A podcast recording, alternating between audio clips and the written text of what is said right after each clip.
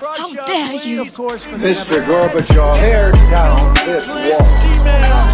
I did not have sexual relations with that woman. Read my lips. Hell yes, we're gonna take your AR-15. Well, it's your waiting AK-47. I have a dream. Thank you.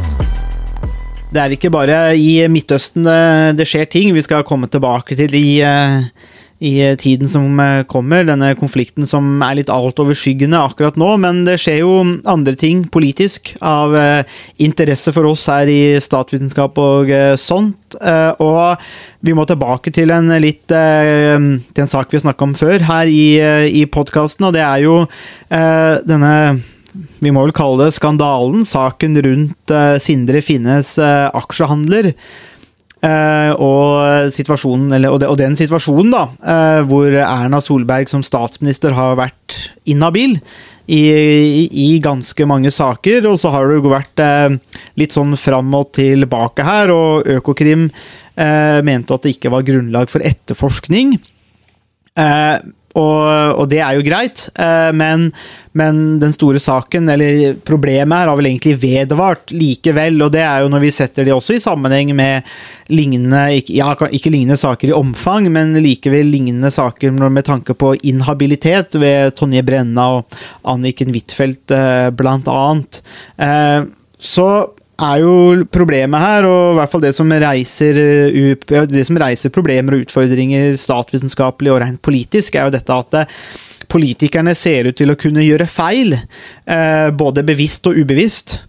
Eh, og det ser ikke ut til å følge noen sånne særskilte konsekvenser ved det. Det holder på en måte å legge seg flat, eh, ta det på sin kappe, og så er det på en måte Da er, det, greit. Eh, på en måte som ikke gjelder eh, alle andre i samfunnet. Så det er ingen andre som har den, har den luksusen at man kan begå eh, sånne type feil, eh, og ikke ta ansvar for det selv, både indirekte og direkte. Og det er jo noe som vi i hvert fall har pekt på i podkasten, Harald, at dette er jo litt sånn problematisk. Det, noe av det handler jo om tillit til politikerne, men det handler også om eh, tilliten til systemet, som man er litt sånn avhengig av. Man snakker jo ofte, det blir sånn slitt klisjé om at Norge er et sånn høytillitsland, men men eh, det betyr ikke at man bare kan forbruke eh, tilliten heller, eller begå en del handlinger på den måten. Og det jeg tenker, og vi har snakka om før òg, er vel det at det som kanskje er problematisk her, er jo at det er Erna Solberg, men også Brenna og Ja, nå måtte jo Huitfeldt gå, da. Um, men det handler kanskje noe om at man setter seg sjøl foran systemet her. og det, det som er problematisk, er jo det at når du da er politiker og du er valgt, og du har fått den tilliten av folk, og du skal forvalte på en måte eh, norske staten, egentlig, og institusjonene, så er det litt problematisk hvis man setter seg sjøl foran eh, dette systemet. Da har man da er på en måte ansvaret kun hos seg sjøl, og kanskje ikke hos det, det til det vervet og det ansvaret man har blitt valgt til. Da. Det, jo, det ser jo ikke helt bra ut, det der, altså. Eh, Langt ifra. Um, og det er jo litt uh, det som vi kanskje har vært inne på mange ganger um, i tidligere podkaster også, så det er det norske politiske systemet, den norske politiske kulturen, den uh, er jo i og for seg preget av høy tillit uh, og et relativt velfungerende eh, system. Samtidig så er det jo også litt sånn at det, det er et system som eh, har eh, gått gjennom ganske mange skandaler de siste årene av eh, varierende alvorlighetsgrad. Men det er også det at det, det er ting ved systemet som vi har påpekt, som gjør at det, hele systemet halter litt. Eh, og det er det som, eh, som kanskje er alvorlig og problematisk. det at du får, har enkeltpolitikere som eh, vil være involvert i ulike politiske skandaler, det er noe man alltid har levd med, og som har vært en del av politikken i nærmest uminnelige tider. Så akkurat det er jo ikke spesielt oppsiktsvekkende eller problematisk i seg selv. Det som kan være problematisk, er jo nettopp noe som man kan se konturene av en uh, ukultur uh, Mm. blant uh, politikerne, og hvor man begynner å endre syn på hva, det inn, hva politisk ansvar innebærer. Eh, og det er jo et brudd eh, med eh, politisk sedvane. Mm. hvordan man har forstått det politiske systemet i, i Norge. Mm. Og det er litt alvorlig, fordi det eh, innebærer også at man eh, Det politiske systemet faktisk endrer seg. Og det politiske systemet kan man si ofte, vil ofte endre seg, eh, og det trenger ikke nødvendigvis å være noe galt eh, i det. Eh, Det som er viktig, er jo at man er bevisst de endringene som foregår, at man kan Mm. eh, kunne eh, forholde seg til de både kritisk, eh, men at man også kan også må kunne eh, kunne peke på om det er gode grunner til at det politiske systemet skal eh, eh, skal endre seg. Mm. Det, som, det som jeg kanskje syns er alvorlig i, eh, i den sammenhengen her, er jo nettopp det at eh, det som Det er to ting som, eh, som endrer seg litt. Det ene er eh, i hvilken grad politikerne jobber for seg selv, altså for sine egne Mm. interesser, eller eh, for eh, velgerne. Eh, og det andre er også eh, andre eh, litt alvorlige eh, spørsmålet er eh, går på det med politisk ansvar, eh, som eh, også handler om eh, hvordan man skal forstå det politiske systemet. Og selv om det ikke har det politiske ansvaret direkte, er et direkte juridisk ansvar, så handler det også om det å kunne bli stilt til ansvar for de politiske handlingene man gjør. Så selv om noe er juridisk eh, lovlig, eh, så betyr ikke det at det er politisk lurt eller akseptab politisk akseptabelt. Mm. Og det er litt eh, det vi ser eh, konturene av, at eh, politikerne tenker at det som er juridisk eh, akseptabelt eller lovlig, det er også politisk akseptabelt. Men der har det ofte eh, vært et veldig viktig politisk skille. Og Det handler jo også om hvordan man ser på rettsstaten, eh, og forholdet mellom politikk eh, og retts, eh, rettsstaten. Mm. For vi er jo noe sånn, litt sånn eh, Akkurat det du nevner der, da. Sånn forhold mellom politikk, rettsstat, altså regler, de tingene vi setter på plass da i samfunnet, og som de fleste av oss tenker det er, det er bra. Vi må ha kontroll på makta, og spør du politikerne idet de kanskje går inn i systemet, eller går inn i partiene, eller de kommer inn på storting eller regjering, så er sikkert alle utelukkende sånn opptatt av at det er klare spilleregler, og at vi følger rettsstatlige prinsipper, og at, at vi måtte gjøre alle disse tingene. Så ser det ut som at idet man får makt, så er det litt sånn, og det, og det skjer et eller annet, Uh, og det kan være saker med inhabilitet, eller, uh, eller, eller hva det måtte være, eller eh, dårlig saksbehandling, eller man er sleivete, så er, det, litt sånn Nei, da er det alle andres feil at det kom ut, da er det medienes feil at det kom ut, eh, og at de fokuserer på det. Det er heksejakt, og det er, det er, ikke måte på. Eh, og så er det liksom sånn Ja, men hvorfor kan vi ikke da bare liksom mm, mm, bare bryte litt reglene, eller bøye reglene litt, liksom nå i tilfelle Det er litt den der eh, sketsjen til KLM, ikke sant? Eh, Kirkevåg òg, når han som griner seg til ulike ting, liksom. Nei, men det var jo ikke sånn det skulle være. Altså, det er liksom sånn eh, den derre sutringa da, eh, som, som de bedriver, men, men, men det jeg legger merke til, er liksom det at eh, de snakker jo høylytt når de er i opp, opp, opp, opposisjon, om sedvane og retningslinjer og spilleregler.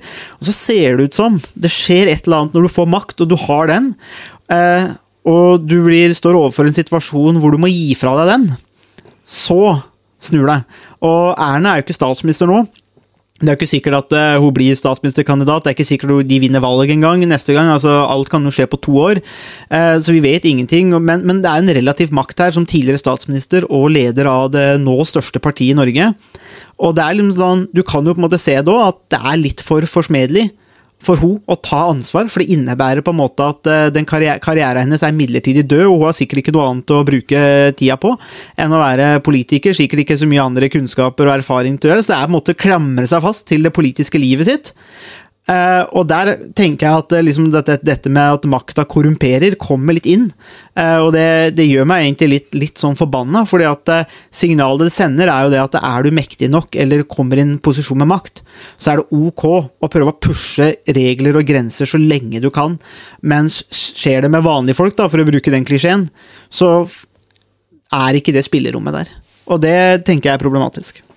Ja, eh, og det som er problematisk i et mer sånn systemperspektiv, er jo at eh, dagens eh, ledende opposisjonsparti, Høyre, når de har en leder som har vært involvert nettopp i en, den type skandale som Erna Solberg har vært nå i, i høst, så er det også vanskelig å kritisere regjeringspartiet. Og et av de viktigste en av de viktigste oppgavene til et opposisjonsparti er jo nettopp det å kunne kritisere eh, et regjeringsparti eh, og de som sitter med makt. Og det er jo noe av det som eh, skal være med på nettopp å unngå at makt korrumperer, mm. og at de som er i regjering tar beslutninger som gir seg og sine fordeler.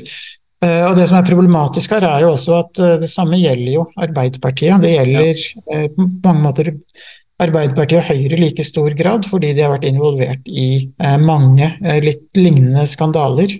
og Um, har, og ingen av partiene har egentlig klart å rydde opp ordentlig.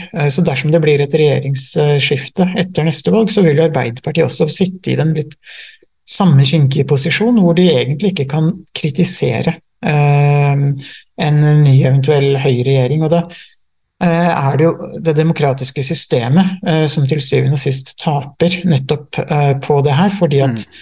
man har ikke en effektiv opposisjon. Og en effektiv opposisjon er helt essensielt i et demokrati.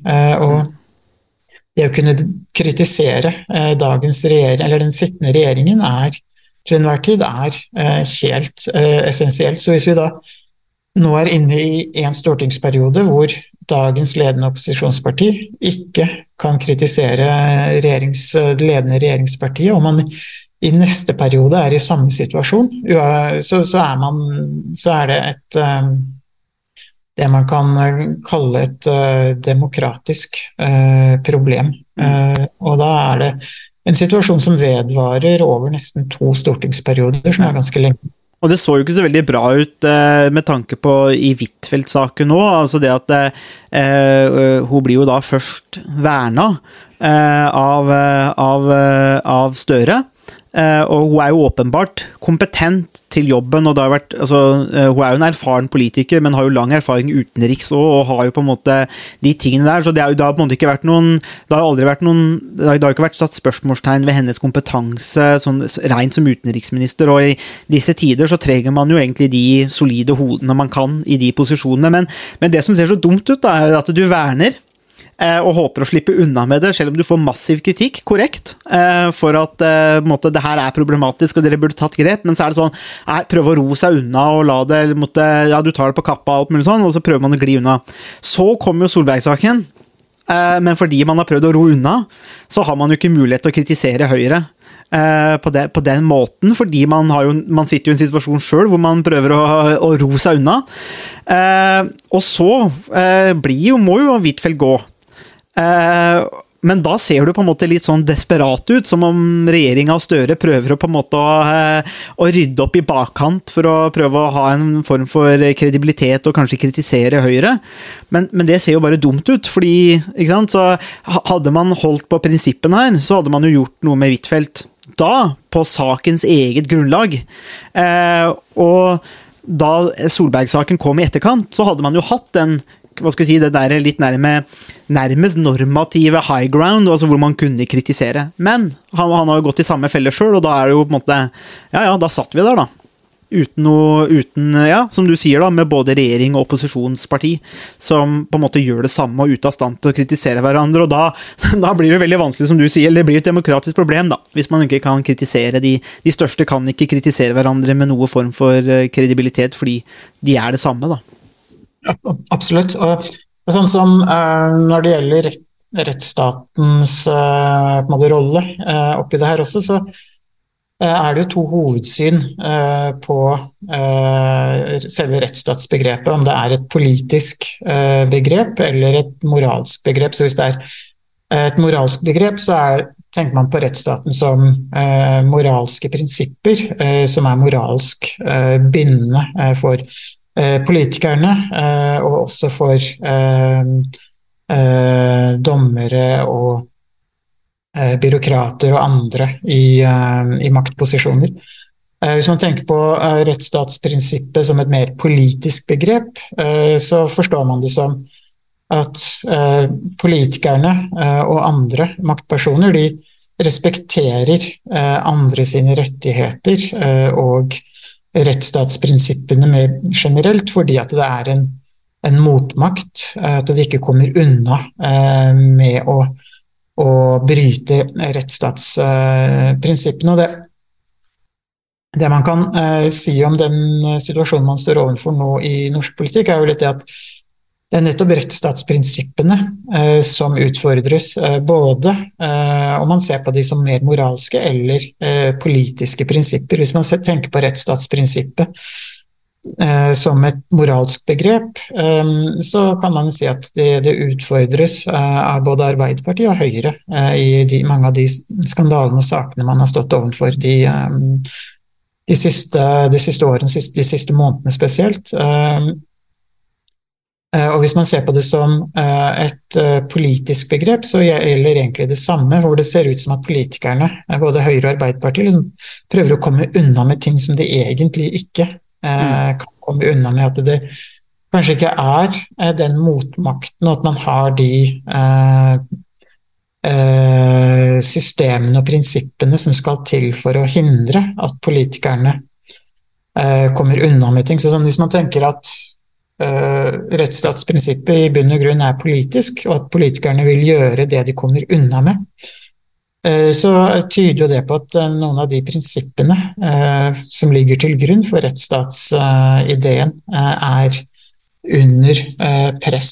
Mm. Og hvis det stemmer, så er jo, så er jo det litt, litt, alvorlig, uavhengig av om det er politisk eller eller at uh, man har en moralsk forståelse av rettsstatsprinsippet. Mm. Det er jo uh, Nei, det er, det er, et kjempegodt poeng. Uh, og, og, og, hvilket eksempel setter det for andre, da? Altså vanlige folk? Altså, fordi at man er jo rollemodeller. Som rikspolitiker, og i hvert fall fremtredende politiker og statsråder, så er man jo, man er jo rollemodeller, og man, man legger jo noen føringer for atferd, kan man si. Uh, og, og, hva slags føringer er det man egentlig legger, uh, eller inntrykk gir man, hvis, hvis, det er, hvis, det er, sånn man skal agere, da. og det gir jo også lite kredibilitet til, til andre saker, f.eks. Hvis man lager lover, da, og det har man jo gjort, som sier noe om eh, Hvis man f.eks. har rapportert inn feil eh, inntekt til Nav, f.eks., så er det ikke så veldig mye slingringsmonn å hente hos Nav. Eh, og det kan godt hende at vi, at vi, vil ha det som samfunn, men da er man jo også avhengig av at politikerne som lager lovene, eh, også holder seg til på en måte at den, den prosessen da, er så legitim som overhodet mulig. Men hvis politikerne på en måte bryter lignende typer regler, men forventer å komme unna med det fordi at de er folkevalgt, eller de har makt, eller de har vennskap, kjennskap osv., så, videre, så gjør det også noe med legitimiteten til de lovene og føringene som vi har i samfunnet. da. Uh, og det er jo, er jo veldig uheldig, uh, og det bygger jo egentlig bare opp under en politikerforakt som vi hører mye om. da. Uh, men jeg tenker at det, dette er med å bygge opp under det.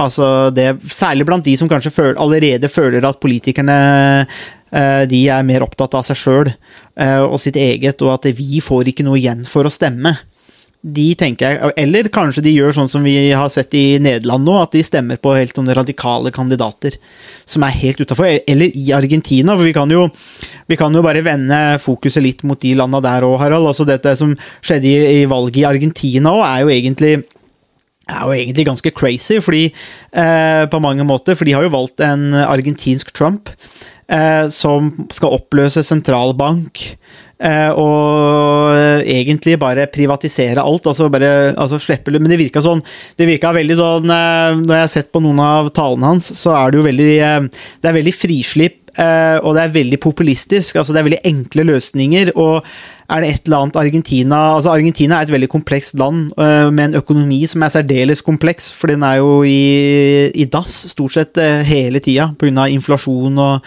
diverse. Eh, og her ser vi jo noen som kommer med veldig enkle løsninger og som måtte skal fikse Argentina veldig sånn enkelt og greit, og jeg vet ikke om det lover så veldig godt, men samtidig så ser man jo i hvert fall i intervjuer som jeg har sett med mange argentinere, at de har jo vært drittlei den regjeringa som har sittet, i, og så har du hatt en økonomiminister eller finansminister da, som måtte skal forsøke å bli å lede landet, men som da har måtte, hatt ansvar for, eller i hvert fall vært øverste leder i ei tid hvor økonomien bare går rett, rett i do. Uh, og da ser man jo på en måte at alternat Det er mange som har sagt at alternat altså vedkommende er, er kjempedårlig, men det vi har sett, det establishment, er så dårlig det òg, at vi orker ikke mer av det. Ja, det er jo det som er, eh, er problemet. Uh, i, i, mange land, eh, både Nederland og Argentina, som har hatt eh, valg nå nylig, er jo to gode eksempler på det. Um, og Det er jo litt det som er problemet, eh, hvis vi skal relatere det tilbake til Norge igjen. at sånn som Når vi har to ledende politiske partier i Norge som flakser litt sånn skadeskutt videre, så er det med på å Eh, undergrave tilliten til de etablerte partiene eh, på, på litt lengre sikt. Og eh, når det går, den tilliten undergraves nok, så betyr det jo også at man, folket vil jo snu seg etter alternativer. Mm. Når de opplever at verken Høyre eller Arbeiderpartiet klarer å, å, å gi folk bedre løsninger og bedre liv, så vil jo også nordmenn eh, kanskje etter hvert også snu seg om etter andre alternativer. Og eh, valgene i Nederland og Argentina uttrykker jo til en viss grad den misnøyen med etablerte partier. I Argentina så er det jo flere tiår med korrupsjon, vanstyre, økonomisk vannstyre og tilkarringsvirksomhet og eh, skatter og avgifter som har vært litt vilkårlig, eh, og som mm. har gjort den økonomiske veksten eh, Eller gjort det vanskelig å skape økonomisk vekst. Eh, og Når det da kommer en slags sånn frelser, selv om han har eh, veldig rar hårfrisyre og eh, alt mulig, og har fem, er det fem klona hunder eller noe sånt som han bor sammen med Så når det kommer noen som er litt sånn, som er litt eksentriske, eh, så, så, er det jo mye lettere å forstå at, de, eh, at vanlige mennesker ønsker et oppgjør med den politiske kulturen som har kjørt landet i, eh, i grøfta. Og så er det jo noen ganger dessverre sånn at man velger alternativer som bare eh, vrir bilen opp fra grøfta og over i motsatt eh, grøft. Eh, så er det noen som tenker at her er det en politiker med litt ekstrem retorikk, men eh, som vil moderere seg i, eh, som, som, president osv. Og, så og det, det kan, kan, jo hende, og det vil jo ha, der vil jo detaljene i det argentinske politiske systemet også ha litt betydning. men hvis man ser til Trump, så kan man vel ikke akkurat si at han direkte modererte seg eh, som president. Det som gjorde at eh, konsekvensene av hans eh, presidentperiode var relativt moderate, var jo mer at den var eh, er mer skyldes jo mer latskap eh, og inkompetanse eh, enn at han modererte seg rent politisk. Mm. Så der er jo litt Det blir et veldig krevende terreng men for både Nederland og, og Argentina. Men her må jo også uh, de tradisjonelle partiene uh, våkne opp.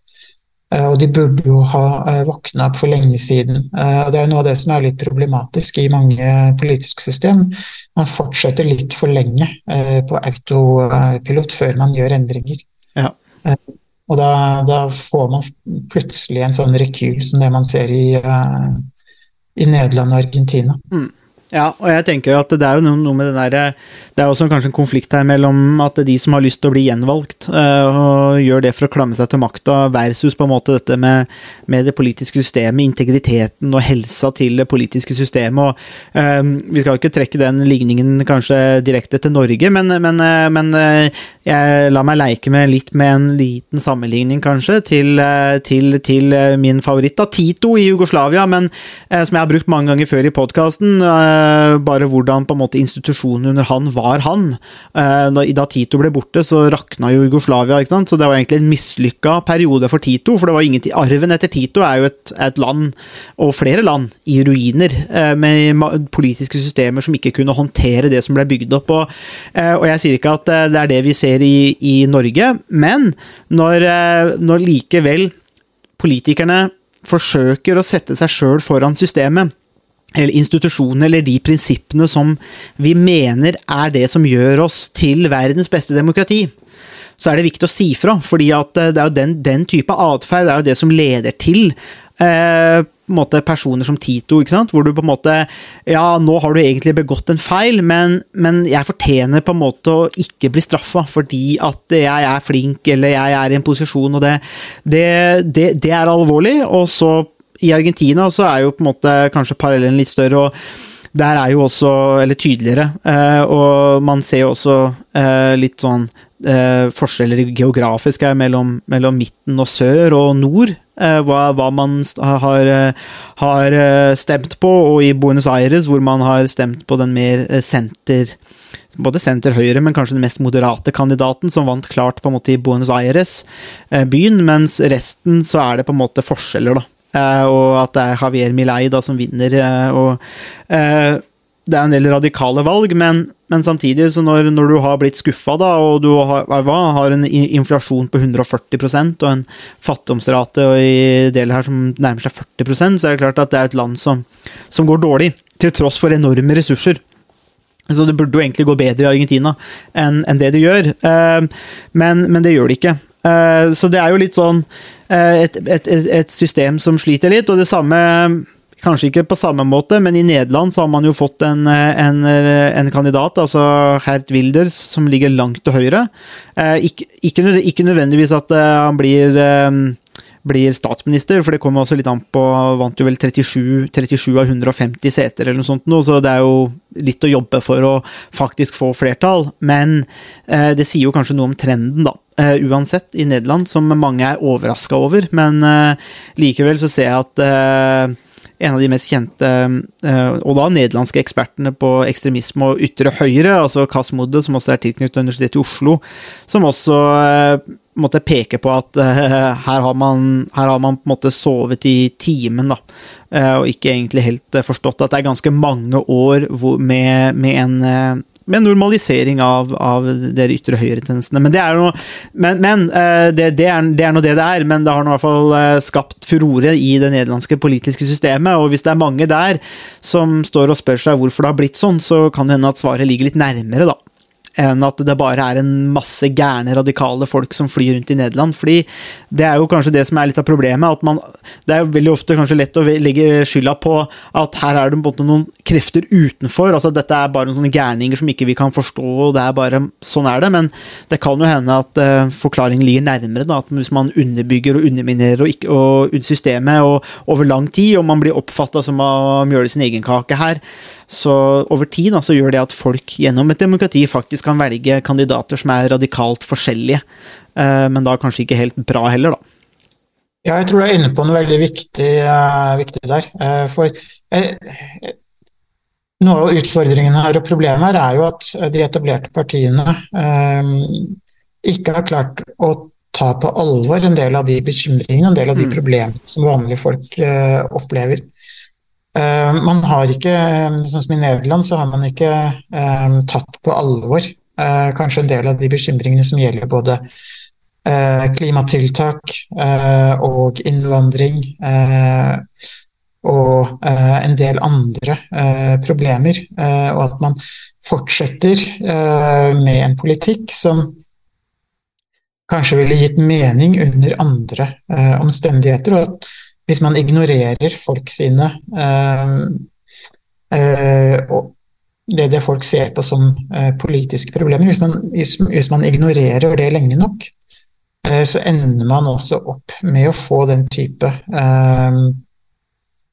den type eh, partier som eh, kommer med nye og andre løsninger, som Mm. kanskje ikke nødvendigvis er gode løsninger, men som likevel er mer attraktive for en stor andel av befolkningen.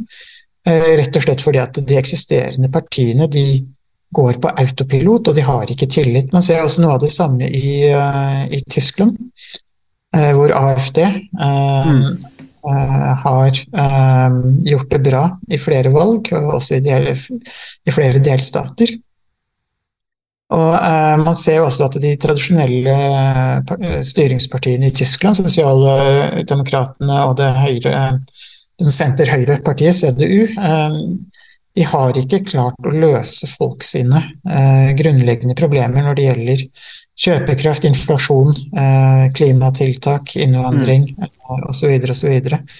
Eh, så det her er jo også en stor advarsel til de tradisjonelle eh, sentrum-venstre, sentrum-høyre-partiene om at hvis de ikke tar eh, folk mer på, på alvor, og den politiske eliten kan jo kanskje tenke at en del av de problemene her er litt sånn små, smålige og ikke viktige nok eh, i forhold til inflasjon, i forhold til innvandring og en del andre ting. Men da tar det jo heller ikke hensyn til folk sine oppfatning av hva som er viktige problemer. Og da er det jo også spørsmål som går litt tilbake til det du var, også var inne på helt innledningsvis. altså I hvilken grad representerer politikerne velgerne? Og hva er det egentlig representasjonsbegrepet innebærer? Um, Uh, og, og da stiller, har man også, kan man også stille spørsmålstegn ved om hva man har politikere som Skal man ha politikere som representerer folkemeningen? Um, og er det eh, den måten man skal få skal, skal, skal forstå eh, representasjonsbegrepet, eller er, skal representasjonsbegrepet forstås som eh, som at man ikke nødvendigvis bare skal beskrive eh, rent faktisk hva folk mener, men at det skal forstås mer kvalitativt, eller at det skal fors, forstås som et uttrykk for en, folke en, eh, en følelse av fellesskap eller eh, nasjonal identitet eller andre ting. Så der reiser også en del eh, prinsipielle spørsmål om hva eh, representasjon skal bety, nettopp i et eh, representativt eh, demokrati som det både Norge, Tyskland, Nederland og, og Argentina på mange måter er. Vi får, eh, vi får runde av med den, eh, den vurderingen og, og erkjennelsen av at eh, politiske systemer er ganske innfløkte, komplekse og møter jo utfordringer.